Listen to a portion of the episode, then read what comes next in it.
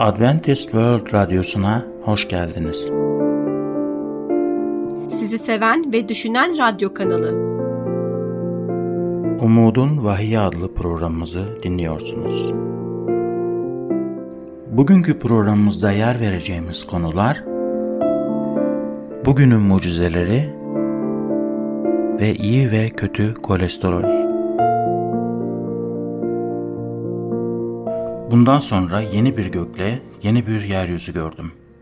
Çünkü önceki gökle yeryüzü ortadan kalkmıştı. Deniz de yoktu artık. Kutsal kentin yani Yaruşalem'in gökten Tanrı'nın yanından indiğini gördüm. Güveyi için hazırlanmış süslü bir gelin gibiydi. Tahttan yükselen gür bir sesin şöyle dediğini işittim. İşte Tanrı konutu insanların arasındadır. Tanrı onların arasında yaşayacak.'' Onlar onun halkı olacaklar. Tanrı'nın kendisi de onların arasında bulunacak. Onların gözlerinden bütün yaşları silecek. Artık ölüm olmayacak. Artık ne yaz, ne ağlayış, ne de ıstırap olacak. Çünkü önceki düzen ortadan kalktı. Tahtta oturan, işte her şeyi yeniliyorum dedi. Sonra yaz diye ekledi. Çünkü bu sözler güvenilir ve gerçektir. Vahiy 21, birden 5. ayetlere kadar. Devam etmeden önce herhangi bir sorunuz olursa diye WhatsApp numaramız olan artı 357 99 786 706'yı sizlere hatırlatmak istiyorum. Daniel kitabı bölüm 2'deki peygamberlik sözlerinden İsa Mesih'in dönüşünün mutlak bir kesinlikle olduğunu öğrenmiştik.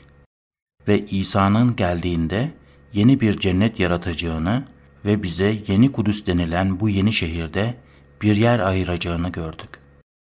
O zaman geldiğinde bizler artık ölümün, üzüntünün, gözyaşının ve acının kalmayacağını ve sadece mutluluğun olacağı bir yerde yaşayacağız. O zaman geldiğinde sonsuza kadar yaşayacağımız mükemmel bir dünyada yaşamaya başlayacağız.'' Ve sadece yapmak istediğimiz şeyleri yapıp yapmak istemediklerimizi yapmayacağız. Ben orada olmak istiyorum. Peki sen de istemez misin? Bizler orada olabiliriz. Şimdiden bile orada olacağımızı bilebiliriz. Tanrı bu geleceğimizden emin olabilmemiz için elinden geleni yaptı.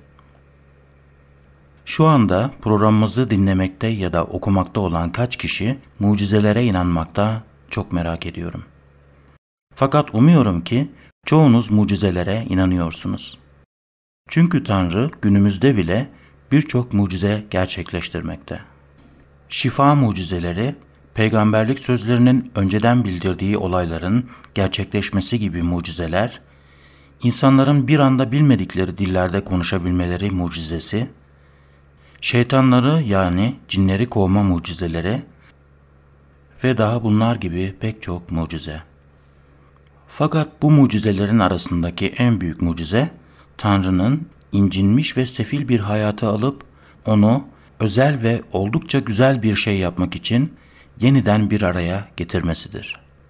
Vahiy kitabı çalışmamızda daha da ilerlemeden önce düşünebileceğimiz en önemli soru olduğuna inandığım bir şeyi size sormak istiyorum. Hazır mısınız? Evet, işte soru. Ruhsal hayatınızda daha önce hiç eğer bu gece ölseniz kesinlikle sonsuz yaşama sahip olacağınızı bildiğiniz bir noktaya vardınız mı? Kurtarılacağınızdan ve o yeni şehirde olacağınızdan emin misiniz? Bu soruyu bir düşünün ve evet ya da hayır olarak bir cevap verin. Eğer siz düşündüyseniz ben de size iyi haberleri vereyim. Tanrı o şehirde size ayrılmış bir yerinizin olduğunu bilmenizi istiyor. Tanrı'nın oğlunun adına iman eden sizlere sonsuz yaşama sahip olduğunuzu bilesiniz diye bunları yazdım. 1. Yuhanna 5, 13. ayet Tanrı sizi merakta kalmanızı ya da şüpheye düşmenizi istemiyor. Sizin bilmenizi istiyor. Bu bölümün amacı Tanrı'nın sizin için bu şehirde bir yerinin olduğuna dair o huzurlu teminata sahip olmanız için bir fırsat sağlamaktır. Amacımız Tanrı'nın size sonsuz bir yaşam verdiğini, şüphesiz bir şekilde bildiğinizden emin olmaktır. Sorun şu ki dünyada o şehre girmenizi engellemeye çalışan birçok güç vardır. Bu güçlerden biri olan sembolik olarak ejderha olarak temsil edilmekte olan şeytanı daha önceden tanımlamıştık. Vahiy 12-17 Bunun üzerine ejderha kadına öfkelendi. Kadının soyundan geriye kalanlarla Tanrı'nın buyruklarını yerine getirip İsa'ya tanıklıklarını sürdürenlerle savaşa gitti. Kadının Tanrı'nın halkını temsil etmekte olduğunu zaten biliyoruz. Çünkü onlar Tanrı'nın buyruklarını yerine getirmek isterler. Ayrıca eski ahit zamanlarında kadının İsrail milletini sembolize ettiğini ve daha sonrasında yeni ahit zamanında da Mesih'in kilisesini temsil ettiğini önceki programlarımızda beraber öğrenmiştik. Bu kadın sembolünün iki nedenden dolayı kolayca yeni ahit kilisesini temsil etmekte olduğunu söyleyebiliriz. İlk sebep 13. ayette kadın zaten bir erkek çocuğu doğurmuştu. Bu savaş İsa Mesih geldikten sonra 17. ayette bahsedilmekte olan kadının soyuna doğru yönlendirmektedir. İkinci sebep 17. ayetin kadının çocuklarını kadının soyu olarak tanımlamasıdır. Kadının soyundan geri kalanlar İsa'nın nihayet en sonunda gelmeden önce bu dünyadaki sonuncu olarak Tanrı'nın halkı olacaktı. Ve bu ejderhanın saldırdığı iki noktanın Tanrı'nın buyrukları ve İsa'nın tanıklığı olduğuna da dikkat edin. Vahiy 13 ve 14. bölümler bu savaşı daha net bir şekilde ortaya koymaktadır. Bu ayetleri derinlemesine inceleyeceğiz. Ancak şimdilik sadece bu savaş tarifinin sonunun şu ayet ile sona erdiğini belirtmek istiyorum. Bu da Tanrı'nın buyruklarını yerine getiren, İsa'ya imanlarını sürdüren kutsalların sabrını gerektirir. Vahiy 14-12. ayet. Burada yine iki saldırı noktasından bahsedilmektedir. Tanrı'nın buyrukları ve İsa'ya iman, Tanrı'nın buyrukları ve İsa'ya iman. Bu bölümü bir arada tutan şey kitap uçları gibidir. Vahiy kitabında anlatılmakta olan savaş, toprak, ülke sınırları ya da mal mülk ile alakalı değildir. Vahiy kitabında anlatılmakta olan savaş, bu savaş Tanrı'nın ona sadık olmak isteyen halkı ile ilgilidir. Bu yüzden bakmamız gereken Tanrı'nın buyruklarına ve İsa Mesih'e imana saldıracak olan ejderhadır. Ejderha bu yapmak istediklerini nasıl gerçekleştirmektedir? Haydi hızlı bir şekilde gözden geçirelim. Haydi hızlı bir şekilde gözden geçirelim. Vahiy 13, 1 ve 2. ayetler. Sonra on boynuzlu, yedi başlı bir canavarın denizden çıktığını gördüm. Ejderha canavara kendi gücü ve tahtıyla birlikte büyük yetki verdi. İnsanlar canavara yetki veren ejderhaya taptılar. Şeytanın Tanrı'nın halkının Şeytanın Tanrı'nın halkının Tanrı'ya olan bağlılığını ele geçirmeye çalıştığını unutmayın. Şeytan, şeytan olarak ortaya çıkıp hey ben şeytanım hadi bana tapın diyemeyeceğini biliyor. Tanrı'nın halkından kimse bunu yapmayı kabul etmezdi. Şeytanın planı yetkisini canavara vermekti. Böylece canavara ibadet etmekte olanlar aslında ejderhaya ibadet ediyor olacaklardı. Fakat şeytan bu kadar insanın canavara tapmasını nasıl sağlayabilirdi? Vahiy 13 11'den 14'e kadar. Bundan sonra başka bir canavar gördüm. Sahte peygamber. Yerden çıkan bu canavarın kuzu gibi iki boynuzu vardı. Yeryüzünü ve orada yaşayanları ölümcül yarası iyileşen ilk canavara tapmaya zorluyordu. İnsanların gözü önünde büyük belirtiler gerçekleştiriyordu. İlk canavarın adına gerçekleştirmesine izin verilen belirtiler sayesinde yeryüzünde yaşayanları saptırdı. Sahte peygamberin Tanrı'nın buyruklarını yerine getiren ve İsa'ya tanıklıklarını sürdürenleri kandırmaya çalışırken kendini bir şekilde yaptığı mucizeler sayesinde gerçek bir peygamber gibi göstermeyi de başardığını öğrenmiştik. Ayrıca ikinci dersimizde de sahte peygamber insanları canavara tapmaları için kandırmak üzere mucizeler yaparken bizlerin bu mucizelerin Tanrı'dan gelmiyor olduğunu fark etmeye ne kadar da ihtiyacımız olduğunu da görmüştük. Özellikle de eğer bu mucizeler Tanrı'nın emirlerine itaati azaltma eğilimindeyse bu demek oluyor ki onların sahte olduklarını anlamaya daha da çok mecburuz. Şimdi ise asıl şok edici olan kısmı okuyacağız. Yuhanna sahte peygamberi kuzuya benzer ikinci canavar olarak tanımladığına dikkat edin. Kuzu sembolü kutsal kitapta her zaman Tanrı'nın kuzusu olan İsa Mesih'in sembolü olarak kullanılmıştır.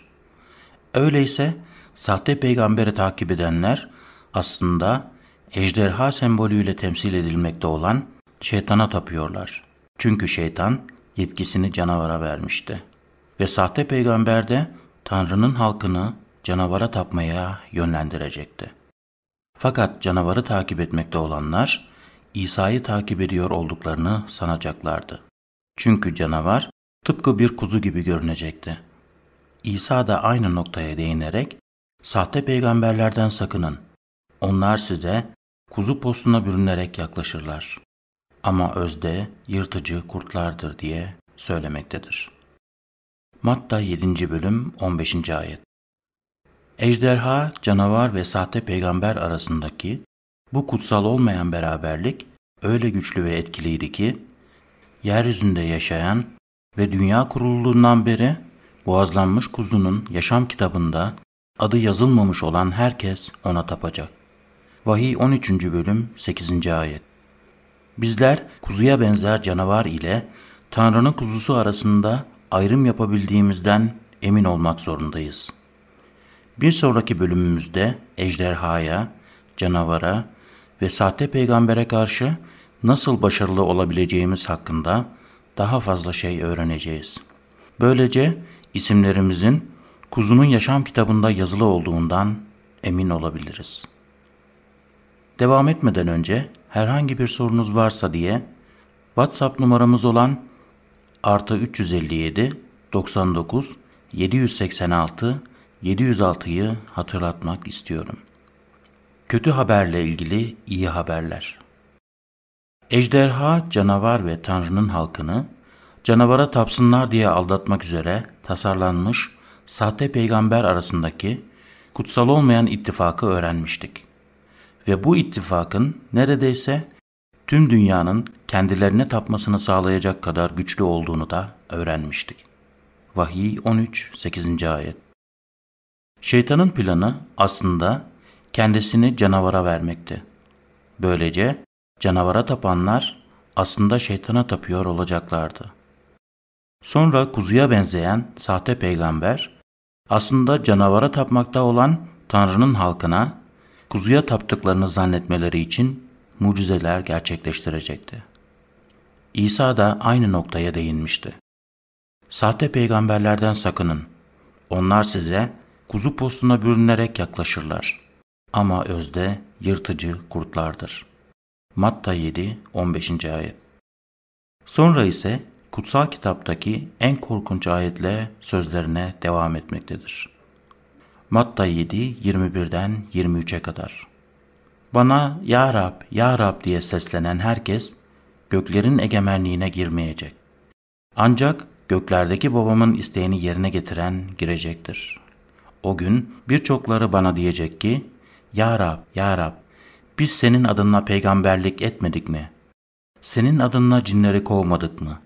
Senin adına birçok mucize yapmadık mı? O zaman ben de onlara açıkça, sizi hiç tanımadım, uzak durun benden, ey kötülük yapanlar diyeceğim. İsa burada dışarıdan dindar görünen insanlardan bahsetmektedir. Bu insanlar oldukça ruhsal insanlar gibi görünürler. İsa'nın ismini söylerler ve hatta onun adına mucizeler gerçekleştirirler.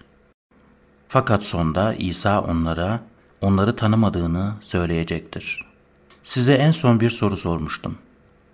Ruhsal hayatınızda eğer bu gece ölecek olsanız sonsuz yaşama sahip olduğunuzdan emin olacağınız bir noktaya geldiniz mi?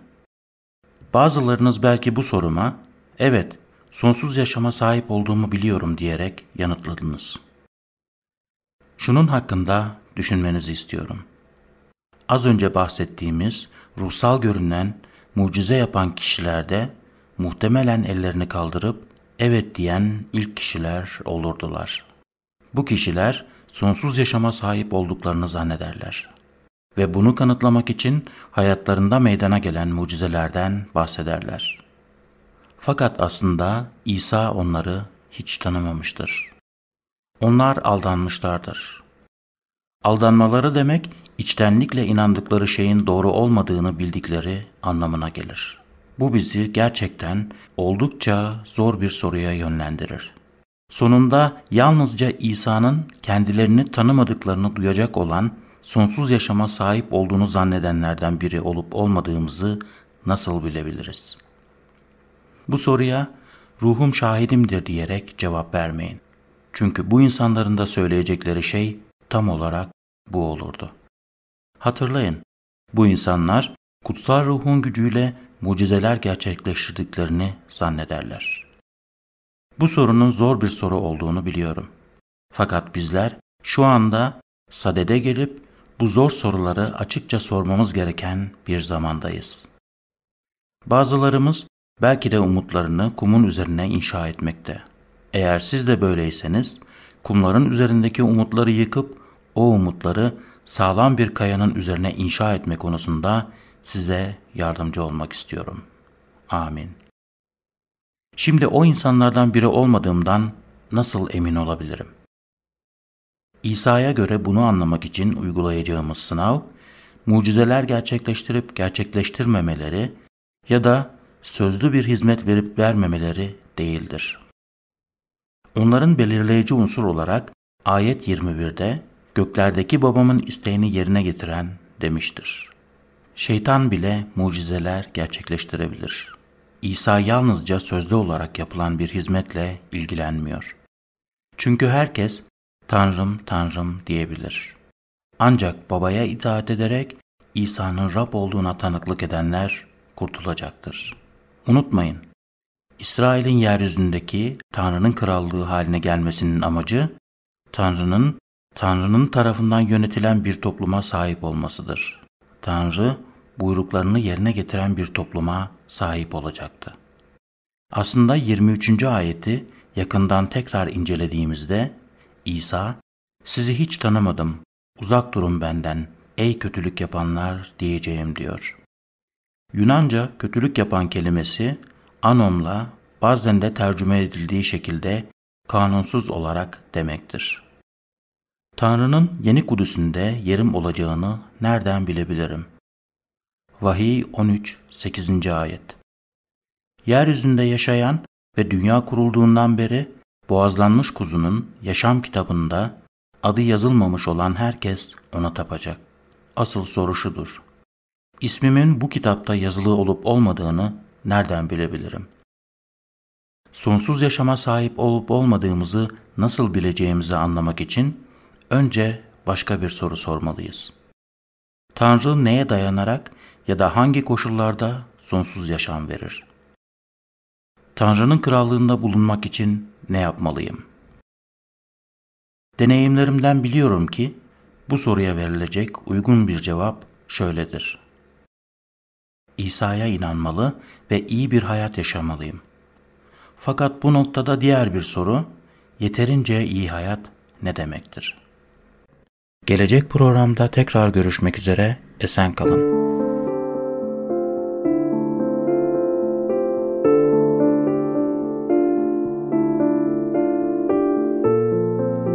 Merhaba değerli dinleyicilerimiz. Sağlık programımıza hoş geldiniz. Bugünkü konumuz kolesterol. İyi ve kötü. Evet değerli dinleyicilerimiz, 50 yaşın üzerindekiler için gençlerimizin bugün sağlık hakkındaki bilgileri gerçekten inanılmaz geliyor. Gereksiz kalori, rafine gıda, rafine et, kolesterol gibi birçok kavramdan haberleri var. Sadece bir iki kuşak ötesinin zamanında kronik hastalıkların nedenlerinin obezite, diyabet, yüksek kan basıncı ve kardiyak arter hastalıkları olduğuna ve kanser türlerinin neler olduğuna dair oldukça temel seviye bir bilgiye sahip insan bulmak bile çok zordu. Devam etmeden önce herhangi bir sorunuz olursa diye WhatsApp numaramız olan artı 357 99 786 706'yı sizlerle paylaşmak istiyorum. Evet, son zamanlarda hemen hemen hepimiz kolesterolün kötü olduğunu biliyorduk. Fakat daha yakın bir zamanda kolesterole dair daha çok detayı öğrendik. Bu öğrendiklerimiz sayesinde gördük ki aslında kolesterolün bildiğimiz bir kısmı tahmin ettiğimiz gibi kötüymüş ve diğer kısmı aslında bizim için faydalıymış. Dinleyicimizden gelen bir soruyu hemen paylaşmak istiyorum. Kolesterol seviyelerim her zaman normaldi.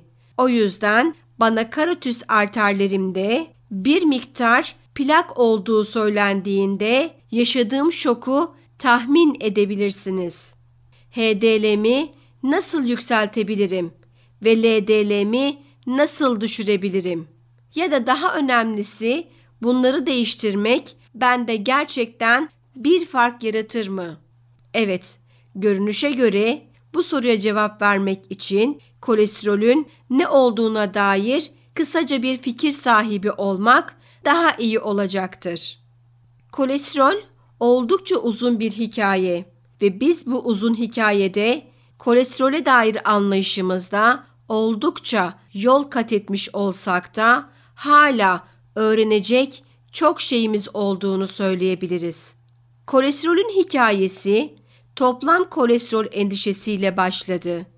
Kolesterolün düşük yoğunluklu lipoproteine bağlı kolesterol ve yüksek yoğunluklu lipoproteine bağlı kolesterol olarak çeşitli kategorilere ayrıldığını biliyoruz. Günümüzde birçok insan yüksek yoğunluklu lipoproteine bağlı kolesterolü kısaca HDL'yi sağlıklı ya da iyi olarak biliyor. Bunun tam tersine de LDL'yi ölümcül ve de kötü olarak biliyor. Ancak bundan çok daha fazlası var. Bu ikisi arasındaki oran bir şekilde aterom konusunda öngörü sahibi olmaya yarar. Ancak çoğu zaman hiçbir açıklaması olmayan oldukça çok vaka mevcuttur. Bireylerin yaklaşık üçte biri için kalp hastalığının ilk belirtisi ani ölümdür. Bu yüzden açıktır ki büyük popülasyonlardaki kalp hastalıkları risklerini taramada ayrılan bütçeyi daha etkin bir şekilde kullanılabilecek daha iyi koroner kalp hastalığı teşhis aletlerine ihtiyacımız vardır. HDL ve LDL testleri kesin bir haberci olmasalar da yine de geniş popülasyonlar için uygun fiyatlı ve de kullanışlı görüntüleme araçları olmaya devam ediyorlar. Arterlerdeki plak birikmesinin artışı kalp krizi riskinin de artışına neden olabilir. Genellikle bir yırtılma ya da plağın parçalanması riski daha da artıran nedendir. HDL'ye çok dikkat ediliyor. HDL konusunda egzersizin onu yükselttiğini biliyoruz. Yulaf gibi tahıllardan gelen lifler ise LDL'yi düşürebilir. Kolesterol düşürücü ilaçlar kalp krizi riskini azaltırlar. Sigara içmek ise riski ikiye katlar.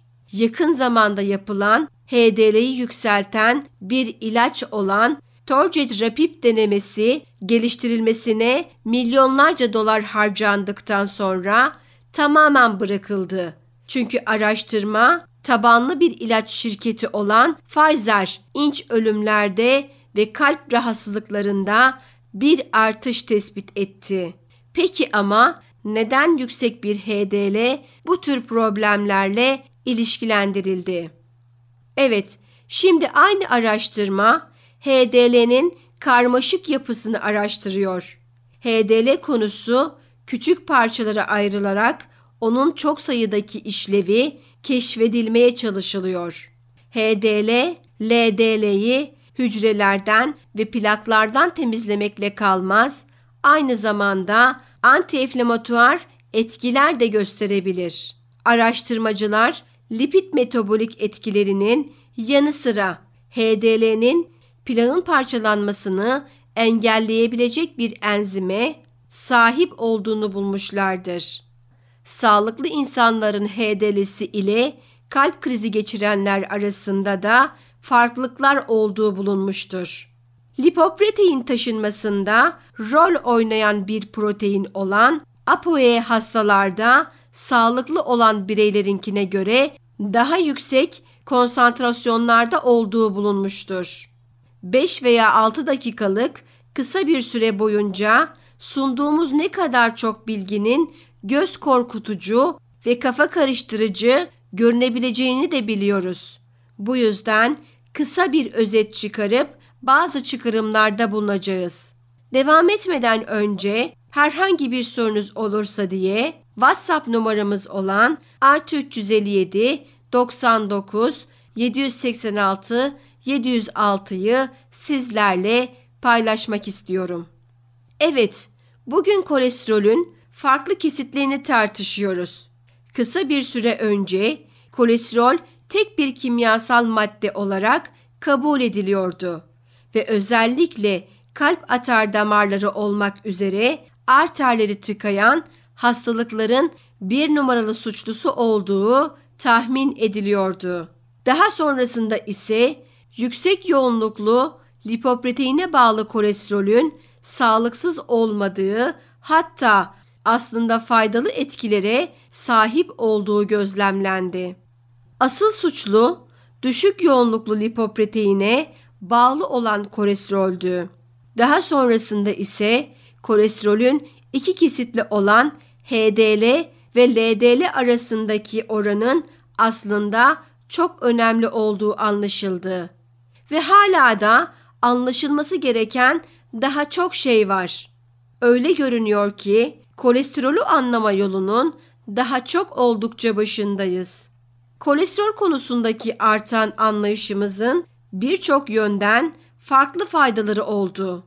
Ancak bu artan anlayışımız uzun bir süredir programımızda tavsiye ettiğimiz sağlıklı yaşam tarzı önerilerinin tersine çevrilmesine neden olmadı.